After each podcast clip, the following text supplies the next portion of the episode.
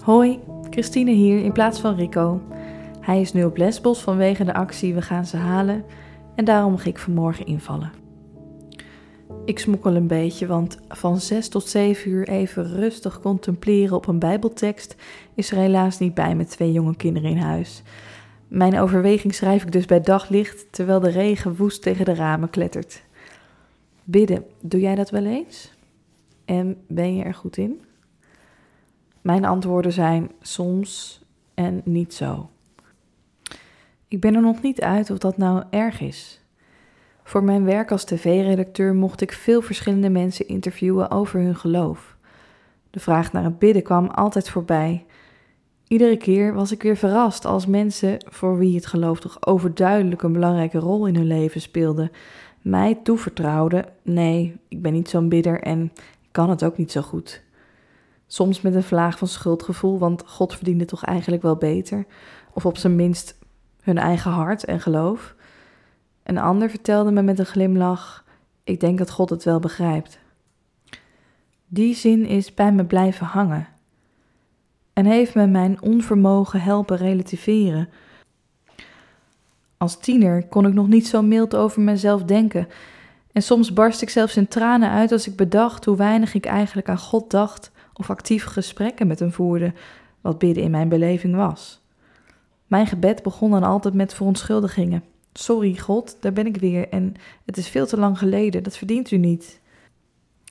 Het duurde een tijd tot ik begreep dat bidden misschien meer kan zijn dan het handen vouwen en ogen dicht wat ik als kind had geleerd, maar nooit echt onder de knie had gekregen. Vloepte niet per ongeluk uit nieuwsgierigheid mijn ene oog open, dan dwaalde wel mijn geest af naar leukere gedachten. Get, weer mislukt. En wat te denken van hardop een kringgebed doen, wat in de evangelische jongerendiensten gebeurde waar ik als tiener graag kwam. Van tevoren doodzenuwachtig, want je wilde niet onderdoen voor het mooie gebed van de ander. En wat nou als degene voor jou net zei wat jij had willen zeggen? Ik vouwde mijn klamme handen, deed mijn ogen dicht en boog mijn hoofd. Luisteren naar wat de anderen zeiden, wachtte ik soms te lang. Kans verkeken, gebed weer voorbij. Ik kan nog wel eens jaloers zijn als ik hoor hoe anderen dagelijks contact met God weten te vinden. Sommige mensen houden zelfs lijstjes bij van wie ze in hun gesprek met God willen noemen. Laatst zei iemand tegen mij dat ik op zijn lijstje stond en ik was daardoor geraakt. Als ik het dan zelf niet kon, deed hij het toch voor mij. Het wordt misschien tijd om het beeld van de modelbidder los te laten. Met keurige gebeden op vaste tijden over mijn wensen en verlangens en waarbij ik niemand vergeet te noemen die in mijn omgeving aandacht verdient. Is dat hoe ik bij God wil en moet zijn? Wat is dan in hemelsnaam een goed gebed? Inmiddels weet ik dat bidden en tijd met God doorbrengen op veel manieren kan. Een wandeling in het bos is nu vaak mijn gebed, waarbij ik erop vertrouw dat God al lang weet wat er in mijn hart leeft. Mocht je toch iets willen zeggen, maar je hebt zelf de woorden niet, dan kun je altijd terugvallen op het gebed dat Jezus zijn leerlingen gaf. Zij zagen hem bidden. Jezus had dat bidden wel lekker onder de knie. En een van hem vroeg: Heer, leer ons bidden. Kennelijk vonden die leerlingen het ook niet zomaar eenvoudig.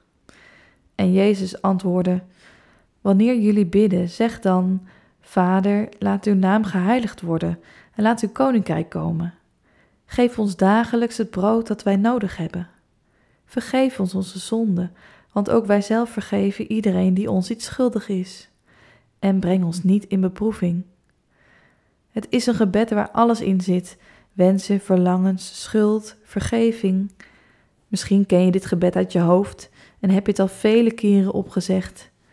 Ik vond het altijd maar een deprimerend gebeuren. Het klonk bijna als een soort bezwering. Een tijd geleden besloot ik dit gebed niet langer met mijn hoofd omlaag en op monotone stem mee te murmelen in de kerk. Nu zeg ik het met opgeheven hoofd, ogen open en de mondhoeken iets gekruld. Sindsdien hebben de zinnen melodie gekregen en komt het gebed niet meer als een ingesleten spreuk mijn mond uit. Zo werd het een nieuw gebed met nieuwe betekenis. Ik ben nog altijd geen dagelijkse bidder Vergeet het vaker wel dan niet. Misschien heb jij dat ook En kan ik jou nu op mijn beurt geruststellen? Ik denk dat God het wel begrijpt. Voor nu wens ik jou vrede en alle goeds en een hele mooie dag.